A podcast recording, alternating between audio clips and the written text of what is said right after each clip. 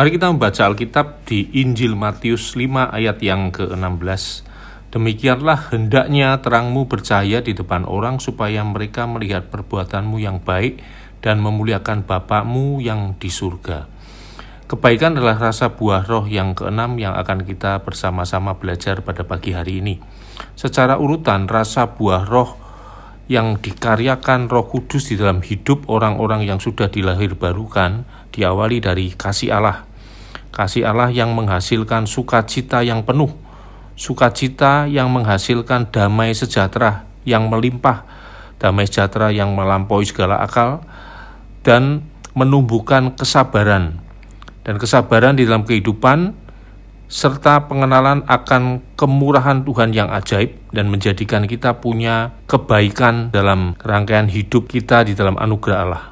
Pada pagi hari ini, firman Tuhan datang kepada kita supaya kita melakukan perbuatan yang baik dan itu menjadi terang yang bercahaya di hadapan orang. Ujungnya adalah memuliakan Bapamu yang di surga. Itu firman Tuhan yang kita baca bersama-sama pada pagi hari ini. Ada banyak nilai kebaikan di dalam kehidupan ini.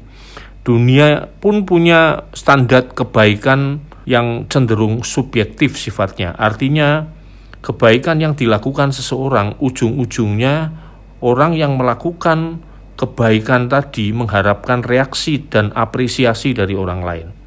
Jadi sebetulnya kebaikan yang diperbuat oleh orang-orang yang dengan standar dunia mengharapkan suatu balasan dari orang lain.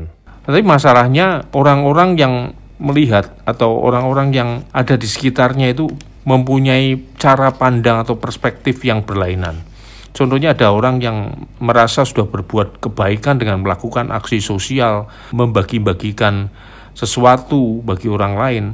Tetapi semua orang berhak menilai dengan cara pandang mereka masing-masing apakah orang itu benar-benar melakukan kebaikan ataukah ada maksud-maksud lain dengan dia melakukan kebaikannya. Di dalam Injil, Tuhan Yesus Kristus mengajarkan sesuatu yang beyond atau melampaui segala kebijaksanaan kebaikan dunia ini. Saya ingin mengajak kita melihat ada tiga bagian ayat firman Tuhan. Yang pertama, Matius 7 ayat yang ke-12. Segala sesuatu yang kamu kehendaki supaya orang perbuat kepadamu, perbuatlah demikian juga kepada mereka. Artinya bahwa kita harus berbuat baik dulu kepada orang di saat kita mengharapkan orang berbuat baik kepada kita. Kita sudah mendengar atau mungkin diajari oleh kebijaksanaan dunia bahwa janganlah kamu perbuat terhadap orang lain apa yang tidak ingin orang lain perbuat di dalam hidupmu. Jadi standar dunia atau kebijaksanaan dunia itu bersifat pasif, bersifat negatif.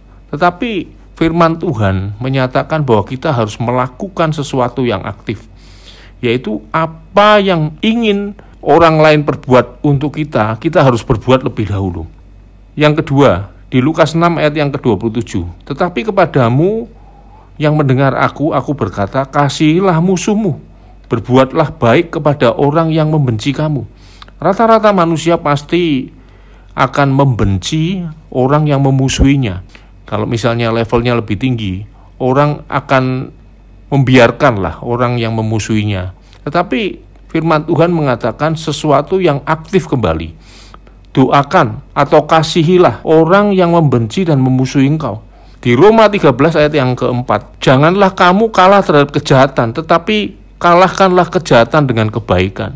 Standar dunia, di saat orang melakukan kejahatan kepada kita, kita harus membalas bahkan mungkin lebih jahat.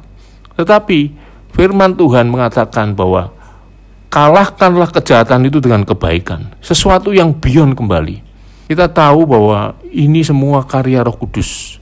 Kita pada pagi hari ini sedang berbicara mengenai karya Roh Kudus di dalam hidup kita.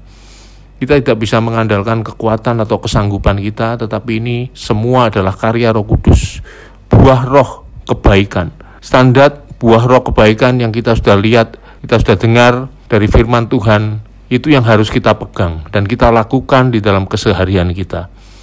Sekali lagi kita mau minta tuntunan kuat kuasa roh kudus memimpin kita. Selamat pagi Bapak Ibu Saudara, selamat memasuki hari yang baru. Selamat kita menjadi duta-duta kerajaan Allah untuk melakukan kebaikan. Tuhan Yesus memberkati.